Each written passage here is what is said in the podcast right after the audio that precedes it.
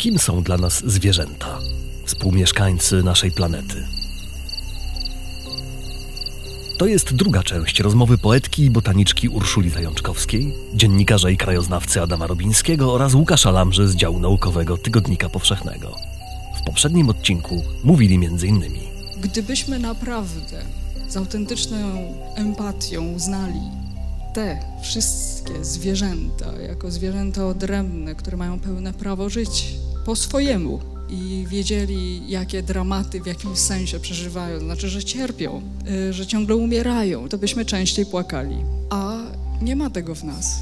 A, a, ale jeśli nie można, no, ludzka egzystencja też prędzej czy później będzie się będzie umieraniem, że tak powiem, ale jest też życie po drodze. Ja nie wiem, dlaczego mielibyśmy bardziej współczuć skoczogonkom albo wilkom niż człowiekowi. No, może jakbyśmy myśleli, bo powiedziałeś, żebyśmy częściej płakali, gdybyśmy o tym pomyśleli, a może jakbyśmy pomyśleli o tych zwierzętach, to byśmy się częściej śmiali. Ja mam zawsze duży problem, jeśli chodzi o zwierzęta domowe, z, z takim sformułowaniem, którego zresztą ty użyłeś dzisiaj, że ja mam psa. Ale ja też mówię, ja mam żonę. To wcale nie musi oznaczać nic niestosownego. Ja, ale, ale właśnie, w przypadku żony możesz użyć też wzajemności, czy w przypadku psa też myślisz o tym tak wzajemnie, to znaczy, że ten pies ma ciebie? A więc co myślą i czują zwierzęta? Czy są zdolne do empatii? Jak wygląda ich życie i śmierć? I jaki my mamy do nich stosunek? Skąd bierze się okrucieństwo człowieka wobec zwierząt i obojętność na ich cierpienie? Czy polowanie i jedzenie zwierząt może być etyczne? To fragmenty premierowej debaty z cyklu Trzepak w Nowym, które tygodnik organizuje w warszawskim Nowym Teatrze. Ja nazywam się Michał Kuźmiński i zapraszam do posłuchania drugiej części dyskusji, której punktem wyjścia było wydanie specjalne tygodnika pod tytułem Zwierzenia zwierząt. Podcast powszechny. Weź, słuchaj. Polowania. Ja wiedziałem, że ten temat się dzisiaj pojawi i czytałem ostatnio Miłosza i wynotowałem sobie taki fantastyczny fragment, który mogę przeczytać z Doliny Issy, który dużo mówi o naszym o. stosunku do zwierząt przez pryzmat polowań. Głupio, że ludzie wszędzie pourządzali pola. Kiedy wjeżdża się między pola, kończy się natychmiast cała piękność. Gdyby od niego to zależało, zabroniłby orać. Niechby wszędzie rosły lasy, a w nich biegały zwierzęta. Tak rozmyślał i postanawiał, że jak dorośnie, założy takie państwo, które całe będzie lasem. Ludzi się tam nie będzie wpuszczać, chyba tylko niektórych. Państwo Tomasza było absolutnie niedostępne, zewsząd otoczone bagnami, takimi jak te, gdzie mieszka wąs z czerwoną głową. Całą jego przestrzeń miały pokrywać lasy, ale namyślił się i umieścił trochę jasnej zieleni łąk. Drogi są niepotrzebne, bo to żaden las dziewiczy przecięty drogą, więc do komunikacji służyłyby rzeki połączone niebieskimi paskami kanałów i jeziora. Ludzie specjalnie przez niego zaproszeni będą mogli się tam dostać. Owszem, bo w bagnach zaznaczył sekretne przejścia. Wszyscy mieszkańcy, niewielu, kraj miał służyć przede wszystkim do wygody zwierzętom, takim jak żubry, łosie, niedźwiedzie. Wszyscy ci mieszkańcy będą żyć wyłącznie z polowania. No, jaki piękny, humanistyczny wydźwięk. Nawiasem mówiąc, są takie miejsca na ziemi przecież, prawda? O, zupełnie jak z Miłosza. Znaczy, trzeba, trzeba y, sobie rzeczywiście uzmysłowić y, bardzo głęboko jedną rzecz, że, że my jesteśmy heterotrofami. I jakby bez śmierci innych, y, niezależnie czy są to rośliny, czy zwierzęta, nie jesteśmy w stanie żyć. Heterotrofami.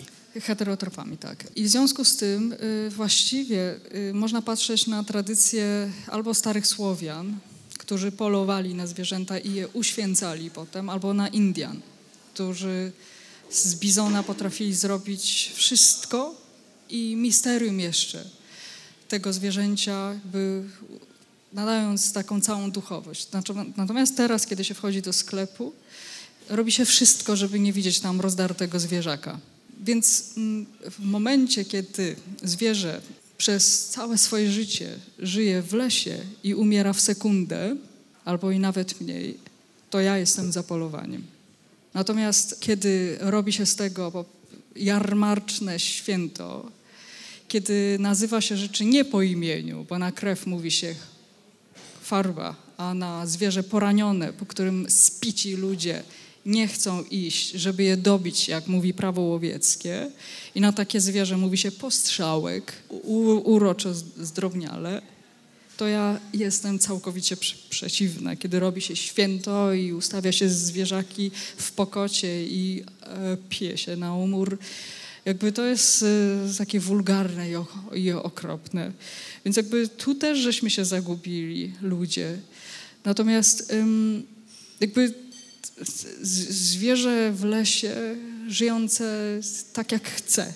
Kiedy człowiek je spotka i jest to walka taka, y, że człowiek jakby ze swojej wiedzy potrafi je zabić nie toporem tłukąc, tak jak kiedyś do dołu bizony i tłukąc je po prostu przez pół dnia, aż w końcu ten bizon umarł. Tylko w ciągu sekundy prosto w aortę albo w mózg. Nie, nie sprzeciwiam się temu. Szczególnie kiedy, kiedy człowiek y, decyduje się je, na jedzenie mięsa, bo też y, jakby sprzeciwiam się tej takiej narracji oskarżania człowieka, że ktoś y, lubi jeść mięso. Nie, nie mamy prawa tak lekko sądzić każdego. Tylko to, co my żeśmy zrobili, te farmy kurczaków, indyków, krów. E, to wszystko jest straszne po prostu. To jest naprawdę to jest dramat. I, e, i to jest wielki grzech człowieka. I, i, i sądzę, że no, to, to wielki problem do, do, do rozwiązania absolutnego i jakby ostatecznego i odważnego. Ten przy, przypadek krów, wolnych krów z Deszczna, który jakiś czas temu, parę tygodni temu było o nim głośno w mediach, jest, jest bardzo charakterystyczny dla naszego stosunku do zwierząt, e, bo tam chyba nawet minister środowiska w kontekście tych krów użył takiego sformułowania, że krowy bez formalnego właściciela nie mają prawa żyć na terenie Unii Europejskiej. I e, te krowy, które były po prostu zdziczałym stadem, trzeba było znaleźć im jakieś zastosowanie, bo krowy bez zastosowania, czyli życie, które nie pełni żadnej funkcji y, w, naszym, w naszej cywilizacji. Chciano je eksterminować, więc, więc y, trzeba było znaleźć dla nich zastosowanie, mianowicie miały stać się, stały się chyba ostatecznie żywymi kosiarkami na terenie prywatnego rezerwatu gdzieś, gdzieś w zachodniopomorskiem. No to jest chyba dobra ilustracja tego, ale to, o czym to, dzisiaj rozmawiamy. Ale to wynika chyba z tego, że, że to są już zwierzęta udomowione, to znaczy no nie da się cofnąć pewnych procesów. Są takie przypadki, gdy ekolodzy wypuszczają jakieś zwierzęta, myśląc, że robią im dobrze, po czym te zwierzęta błyskawicznie umierają, ponieważ nie potrafią sobie poradzić, a w pozorom na fermie miałyby lepiej. Znaczy, no, nie da się kijem zawrócić rzeki. Wydaje mi się, że nie, nie, od, nie oddomowimy zwierząt, w związku z czym wypuszczenie jest... krów, żeby sobie hasały po Polsce, też, też jest jakimś takim, to jest, no, to jest naiwne. Bardzo no. niebezpieczne sformułowanie, którego my ludzie lubimy używać, mianowicie, że jakiś element przyrody sobie nie poradzi bez nas. No właśnie na Dominikanie, w momencie, kiedy hmm. konwikstadorzy y, przypływali na wyspy, y, zwiało im, y, im małe statko krów. To jest XV wiek, żyją do dzisiaj, jako dzikie. Po górach hasają, ludzie się ich boją. No jakby im dać do dyspozycji, ale chodzi mi o to, że jak tu mamy A1, a tu mamy M1 i to, to one gdzieś tam pomiędzy tym wszystkim jednak poginą w środowisku miejskim, prawda? No, nie mówiąc już o tym, że są zwierzęta na tyle silnie udomowione, że w ogóle już są zupełnie niezdolne do, do funkcji. Znaczy, no nie, nie, nie, nie cofniemy tego chyba, prawda? Już jest za późno. Decyzja została podjęta 7 tysięcy lat temu, kiedy udomowiliśmy krowę i teraz już tylko kontynuujemy e, chyba coś, czego, czego przerwać nie sposób. Możemy zapytać? Oczywiście. Pytanie jest. Bardzo dziękuję, że poruszyła Pani temat umierania zwierząt podczas polowania. E, chciałabym dodać jakby tutaj trochę może więcej kontekstu, bo niektórym może wydawać się, że strzelamy do zwierząt i ono umiera bardzo szybko, w ciągu sekundy. Natomiast takie umieranie zwierząt podczas polowania jest jakby przyrównywane do uboju typu halal bądź e, takiego rytualnego. Więc to, że zwierzę otrzyma pocisk w serce, czy w aortę, czy w głowę, nie oznacza wcale, że ono umiera od razu. Ono się skrwawia mniej więcej 4-5 minu minut e, i nadal odczuwa ból i cierpienie. Więc jakby Niestety ten ubój, czy ta, ta śmierć, którą, którego za, którą zaznaje zwierzę, nie jest równa humanitarnej śmierci podczas uboju właśnie za ogłuszeniem. I akurat jestem z Wydziału Medycyny Weterynaryjnej na SGGW, zabierałam moje studentki, studentów na, mamy część zajęć w rzeźni i oglądamy niestety, częścią naszej pracy też jest to, że oglądamy jak zwierzęta są zabijane i naszą, naszym zadaniem jest też kontrola czy ubój jest humanitarny według naszej ludzkiej miary. To jest po prostu absurd, prawda? Bo to my ludzie nadajemy wartość temu, czy to zwierzę zostało dobrze, czy źle zabite. Natomiast widzieliśmy wiele śmierci zupełnie nieodpowiednich, nie ze standardu.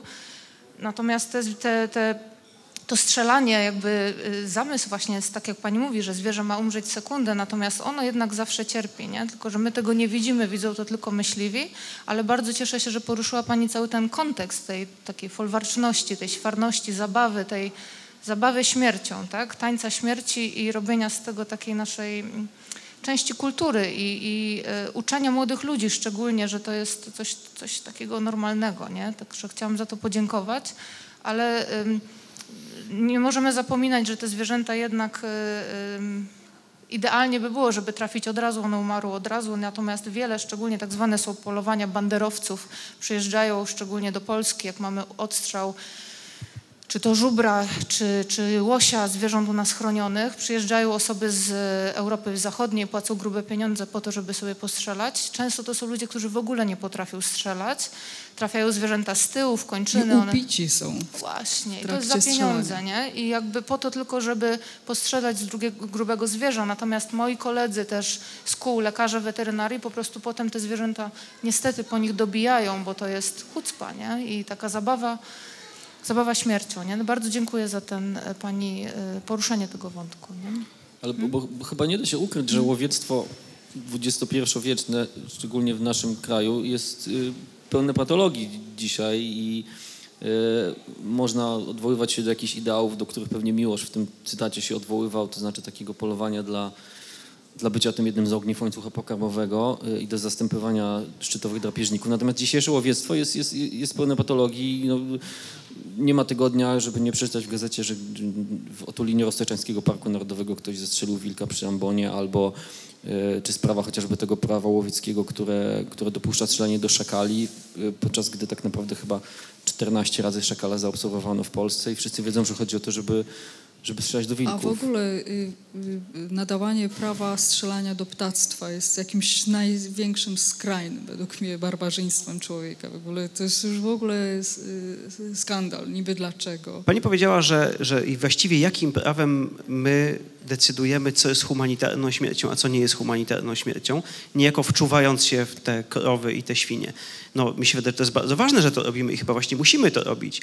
Mi się wydaje, że z, właśnie z tego, że my nadajemy sobie to prawo, wynika w ogóle taka idea jak humanitarny chów i humanitarna śmierć. Znaczy inaczej nie może być. Wydaje mi się, że musimy dokonać tego kroku, utożsamienia się z krową, utożsamienia się ze świnią i stwierdzenia, że można umrzeć przyjemniej i nieprzyjemniej.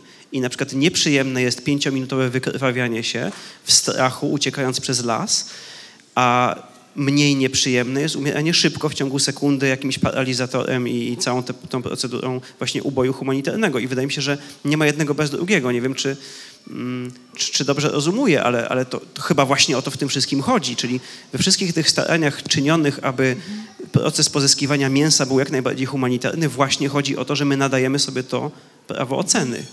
My, czyli nasza zachodnia cywilizacja, ponieważ Hindusi w ogóle krowy nie zjedzą, ponieważ jest dla nich symbolem świętości i w ogóle nie, nie jest kategoryzowana jako produkt, a nasza polska wołowina, czyli krowa, która wpierw, to nawet nie jest mięsna krowa, tylko często holsztyńsko-fryzyjska czarno-biała krowa, która sześć, nie wiem, donosi pięć ciąż, już się nie nadaje dalej do chowu, jest zażynana. Oczywiście humanitarnie, bo dostaje pistoletem ciśnieniowym w rdzeń przedłużony, mhm. więc ona już nie czuje bólu i dopiero jest skrwawiana i to jest w naszej zachodniej kulturze humanitarny y, y, ubój. Mhm. Myślę, że to jest bardzo mocno rozwiązane właśnie kulturowo i religijnie, bo to, co u nas jest jadalne, niejadalne jest gdzie indziej.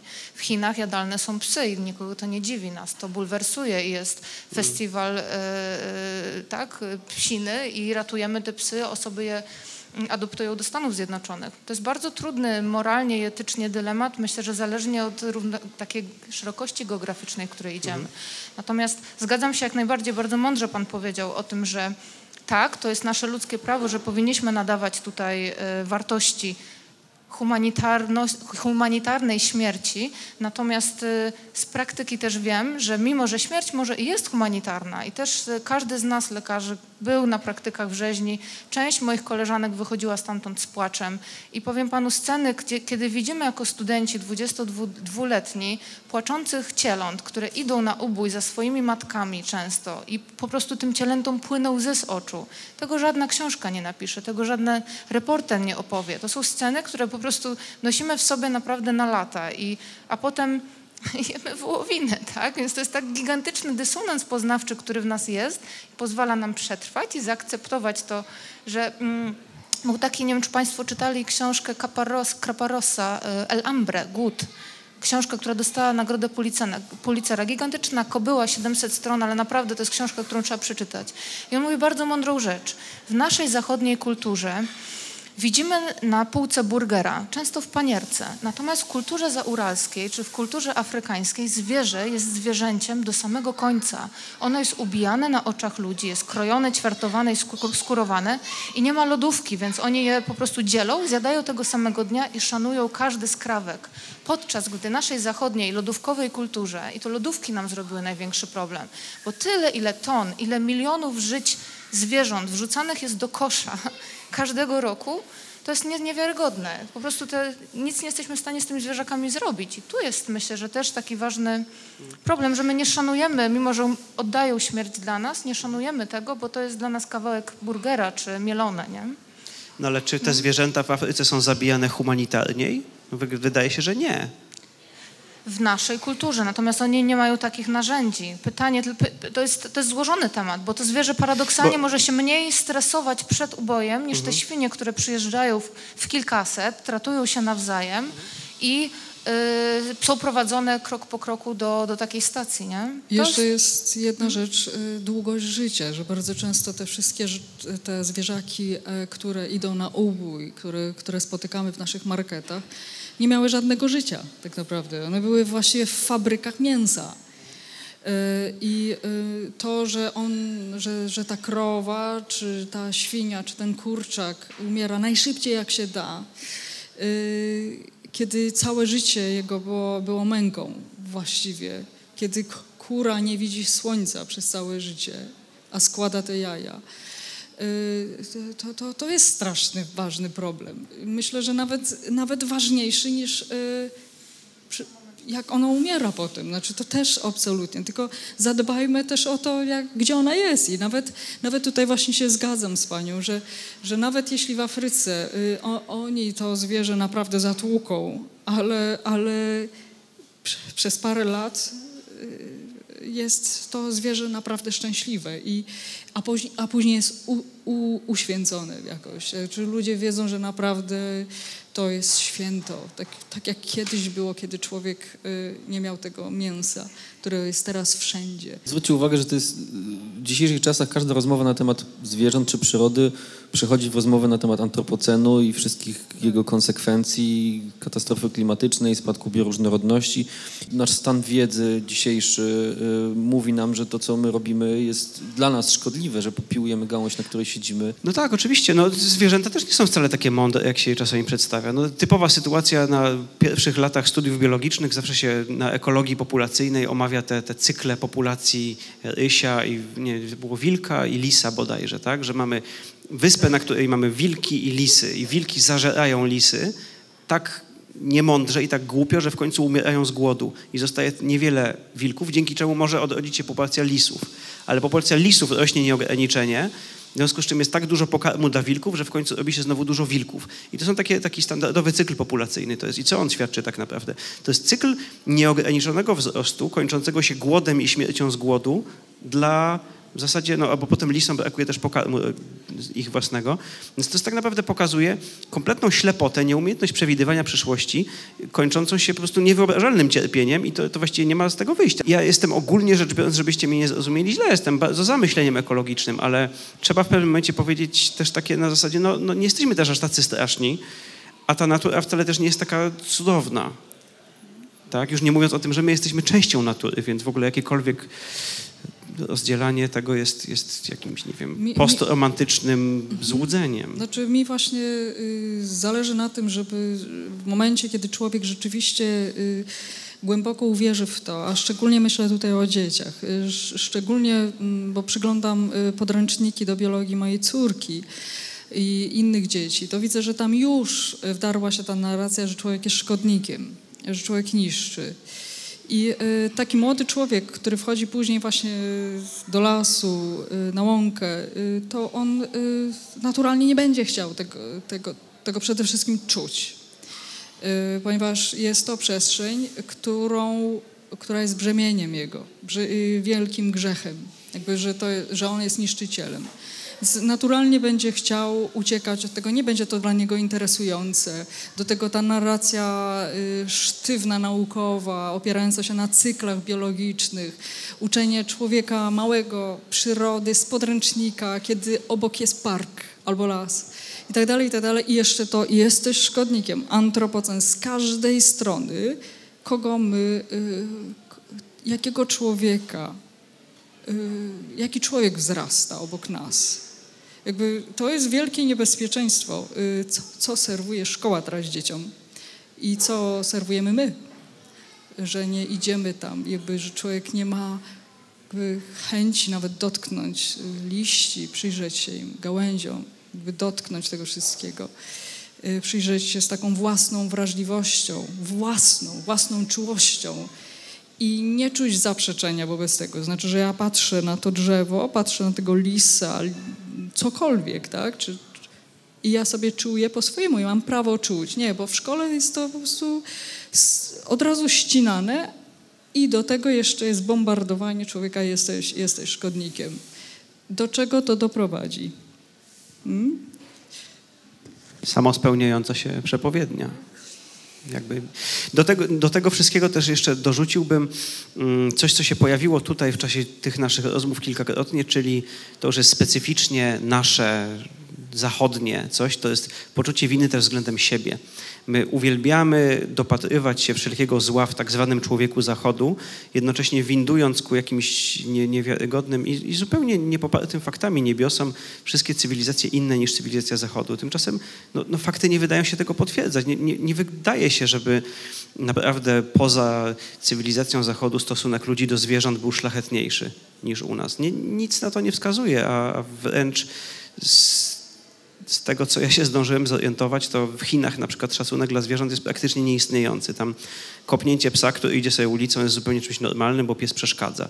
Ci słynni Indianie, czyli nie wiem, rdzenni mieszkańcy powiedzmy sobie Ameryki Południowej, zachowują się no, niewyobrażalnie wręcz okrutnie względem zwierząt, kompletnie nie dostrzegając w nich istot, które czują i przeżywają ból i tam skubanie zwierzęcia na żywo albo wrzucenie jakiegoś zwierzaka do ognia żywcem nie, nie budzi absolutnie żadnych wątpliwości, bo to jest po prostu kawałek jedzenia, który trzeba szybko spałaszować i opiec. Więc w ramach takiego odtruwania się z poczucia winy ja też mm, polecam, polecam spojrzenie, spojrzenie nie tylko człowiek versus inne zwierzęta, bo, bo nic nie wskazuje na to, abyśmy byli jakimś, jakąś potworną zakałą tej y, planety. Mm, również w skali lokalniejszej. My, powiedzmy sobie, nie wiem, biali Europejczycy versus 6,5 miliarda innych ludzi chodzących po tej planecie. Myślę, że, y, że jest w tym wszystkim troszkę spa, samospełniającej się przepowiedni. To znaczy, jeżeli będziemy się wkręcać w poczucie winy i w poczucie, że jesteśmy źli i okrutni i najgorszym jesteśmy najgorszą formą bytu, to to też się dobrze nie skończy. Kiedyś próbowaliśmy się wkręcić w coś przeciwnego, to co mówiłaś o Arystotelesie, że człowiek jako gatunek jest najwyższą formą bytu, a potem mieliśmy y, rasizm białego Europejczyka, że, że biały Europejczyk jest najwyższą formą bytu. Pod nim są dzicy, a jeszcze niżej małpy. Więc to jest jedna skrajność, która wiemy, jak się skończyła. Natomiast druga skrajność, taka mianowicie, że my jesteśmy zakałą tej planety, a, a, a najniższą formą bytu jest wiem, biały facet siedzący na tej kanapie, te, też myślę, że to się dobrze nie skończy. I, natomiast nikt nie wie do końca, w jaki sposób to wszystko wymierzyć. Y, I fajnie, że ten temat się tu przejawia, bo ch chyba wszyscy jesteśmy dokładnie tak samo bezradni, tak mi się wydaje. Czy, czy zwierzęta są super, czy nie są super. Chyba nie umiemy w ogóle myśleć inaczej. Ludzie są super, ludzie nie są super. Nie wiem, czy dałoby się w ogóle z tego uwolnić. Ja się z Tobą zgadzam, jeśli chodzi o, o, o, ten świat zachodni versus cała reszta, bo to jest chyba tak, że każda kultura ma po prostu jakieś zwierzęta, jakieś gatunki, na które patrzy serdeczniej niż na inne i no, chociażby nasz polski stosunek do koni. Wystarczy pojechać gdzieś do Włoch i zobaczyć, że koninę można kupić w, w takich nawet słoiczkach z pokarmem dla noworodków, bo to podobno czyste mięso. I, I, i, w Indiach mogą e, rzeczywiście na, na, na krowy patrzeć i traktować je lepiej niż, niż w naszej kulturze. Natomiast chyba rzeczywiście, tak jak ty mówisz, że e, ogólny stosunek jest, jest, jest taki sam wszędzie. Ja się fundamentalnie nie zgadzam, że nie jesteśmy winni i nie powinniśmy się obwiniać i, yy, i musimy się tego uczyć. Też z Urszulą się w tym nie zgadzam, że, że się nie powinniśmy obwiniać, bo to jakby odsuwa nas od, w jakiś sposób od kontaktu z naturą, przyrodą. Ja myślę, że jesteśmy szalenie winni. My yy, jesteśmy tak samo, jeżeli mogę tego zantropomorfizować, jesteśmy tak samo głupi jak te wilki i lisy, które się wyżerają nawzajem i wdychają, bo my właśnie zżeramy naszą planetę. I jako ludzkość, to my jesteśmy za to odpowiedzialni. Tu nie ma dwóch zdań, jakby to nie ma z czym dyskutować. Okej, okay, to ja, jeszcze, ja, jeśli można króciutko, ja się spróbuję z tobą nie zgodzić, mówiąc coś takiego. Wydaje mi się, że y, mi chodziło o to, że nie, tak jak nie można antropomorfizować wilków albo lisów tak naprawdę, to nie powinniśmy też chyba antropomorfizować ludzkości. Wiesz czemu? Bo poczucie odpowiedzialności wiemy i mamy przećwiczone na poziomie jednostki. I mamy to przerobione filozoficznie, mamy to przerobione na, na poziomie systemu prawnego. Możemy obciążać odpowiedzialnością jednostkę, dlatego że traktujemy ją jako istotę świadomą. I to jest, to jest u fundamentu wszystkich systemów prawnych, wszystkich systemów religijnych i to mamy przećwiczone. Natomiast wydaje mi się, że niesprawdzone i niezbadane i nieprzedyskutowane jest jeszcze to, czy można dokładnie tak samo traktować zbiorowość ludzką. I wydaje mi się, że jeżeli przyjrzeć się na spokojne temu, jak działa ludzkość i, i o co w tym wszystkim chodzi, to ludzkość jako cały gatunek, jako 7 miliardów nas, dużo bardziej zachowuje się jak siła przyrodnicza niż jak, niż jak jednostka ludzka. W związku z czym obarczanie odpowiedzialnością tej siły przyrodniczej jest równie nieprawdziwe i filozoficznie nieuzasadnione jak obarczanie odpowiedzialnością burzy albo bakterii żyjących na Ziemi, albo wulkanów. Czy nam się to podoba, czy nie? Jesteśmy wynikiem procesu ewolucji, mamy pewną masę, mamy pewną energię, jesteśmy rojem fizycznych obiektów i myślę, że jako gatunek zupełnie nieświadomym. I I o, tylko o to mi chodziło, że jednostki jasne. Ty przeczytasz tekst, on na ciebie wpłynie, bo ty masz samoświadomość. Ty jesteś jednostką posiadającą pewne ja. Ludzkość nie, nie jest jednostką posiadającą pewne ja. Nie możesz ludzkości pokazać tekstu. Nie możesz wpłynąć na umysł ludzkości. Ludzkość nie ma umysłu. Ludzkość jest siłą przyrodniczą. Jedna rzecz yy, yy, włącza się, yy, znowu jakby wciąż antropomorfizujemy, ponieważ Y, człowiek bardzo lubi, no i w sumie nie, nie, nie sposób y, tego nie zrozumieć, y, opisywać przyrodę z punktu widzenia własnej geometrii czy długości własnego życia. Znaczy, że, że na przykład drzewa są duże, dlatego że to my jesteśmy mali. Rozmaite zmiany w obrębie klimatu 10 czy 100 lat są gwałtowne, intensywne, dlatego że my do 100 lat raczej nie dożyjemy. Mo, mo, może ktoś z nas. Więc jakby to dla istnienia Ziemi y, człowiek y, rzeczywiście jest jak, jakąś formą, ludzkość, jakiego, jaką, jakiejś powiedzmy, no, czasami się zachowuje jak szarańczy, ale nikt szarańczy y, za to nie karze.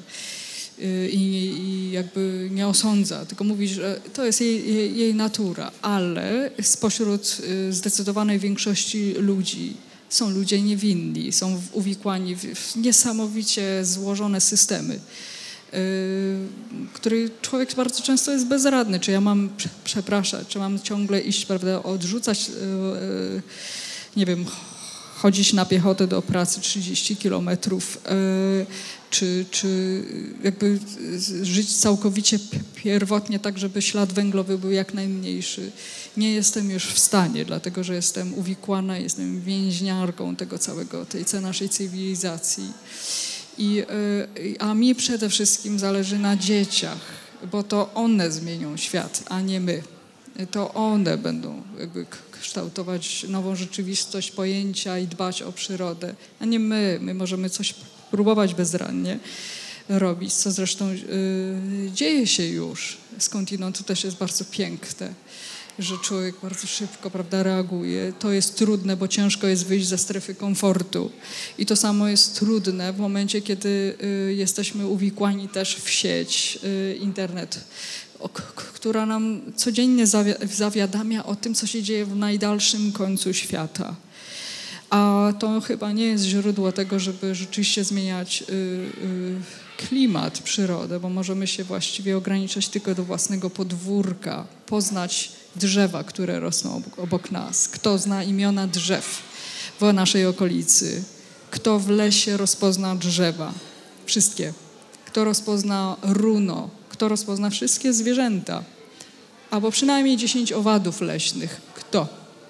Więc prawie nikt. I nie trzeba się jakby oskarżać o to, tylko po prostu zacząć wychodzić ze strefy komfortu, ale ograniczać się do własnej rzeczywistości i doznawać niezwykłych olśnień, jakie to jest złożone i piękne, i niekoniecznie jakby zadręczać się tym, że gdzieś, nie wiem, jakaś stacja wydobycia ropy na jakimś dalekim oceanie właśnie, właśnie jest nieszczelna. I y, jakby y, to, to, jest rzecz, o, o której my często zapominamy. Jakby daleko rzucamy myśli, myślimy o ludzkości, wychodzimy na dwór i nie rozpoznamy trawy. Nie wiemy, co to jest za roślina. No więc o jakiej przyrodzie my mówimy? My rozmawiając, spotykając się tutaj po to, żeby porozmawiać o zwierzętach, cały czas traktujemy te zwierzęta jako tło do rozmowy o nas samych i o to, jak, jacy my jesteśmy i jacy my powinniśmy być.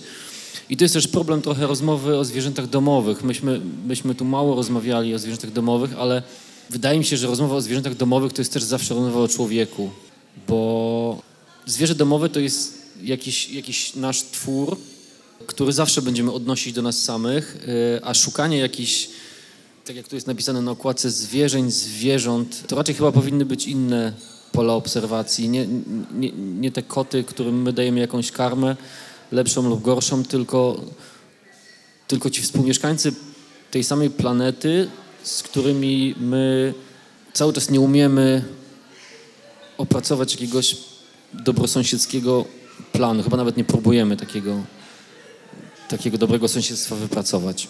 I, I zakończymy jeszcze chyba poezją.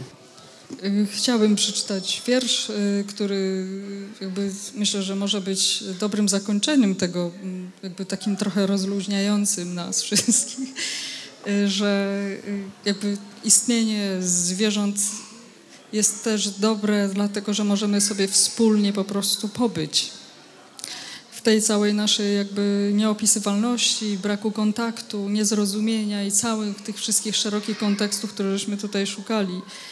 E, czasem po prostu w milczeniu sobie e, razem pobyć, e, więc, więc ten wiersz jest trochę o tym. Boże ciała, siedzimy przed domem, kot, pies, mucha i ja. Daleko dzwonią trzy kościoły i procesje przechodzą nabożne, a my, cztery poczciwe ciała, tylko wygrzewamy się, będąc w stanie powszechnej, wspólnej grawitacji i jednej niebiańskiej współrzędnej, dzięki której ten skrawek chmury teraz jest tylko nasz.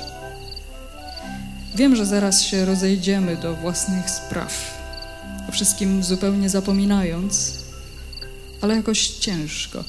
Szczególnie gdy teraz ten prywatny pęczek promieni w nas się rozprasza, całkiem nas rozleniwia.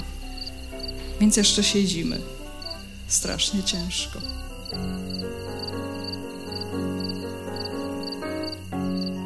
To była druga i ostatnia część premierowej debaty Tygodnika Powszechnego z cyklu Trzepak w Nowym pod tytułem Zwierzę we mnie. Rozmawiali Urszula Zajączkowska, Adam Robiński i Łukasz Lamża oraz widzowie. Pierwsza część o porównywaniu zwierząt do ludzi i o tym, czy zwierzęta mogą być dobre albo złe, jest już dostępna w podcaście powszechnym. A my już teraz zapraszamy na kolejne debaty tygodnika w warszawskim Nowym Teatrze, o których będziemy informować na łamach i na stronie tygodnikpowszechny.pl. Weź, słuchaj, czyli podcast powszechny. Muzyka Kevin MacLeod Incompetech.com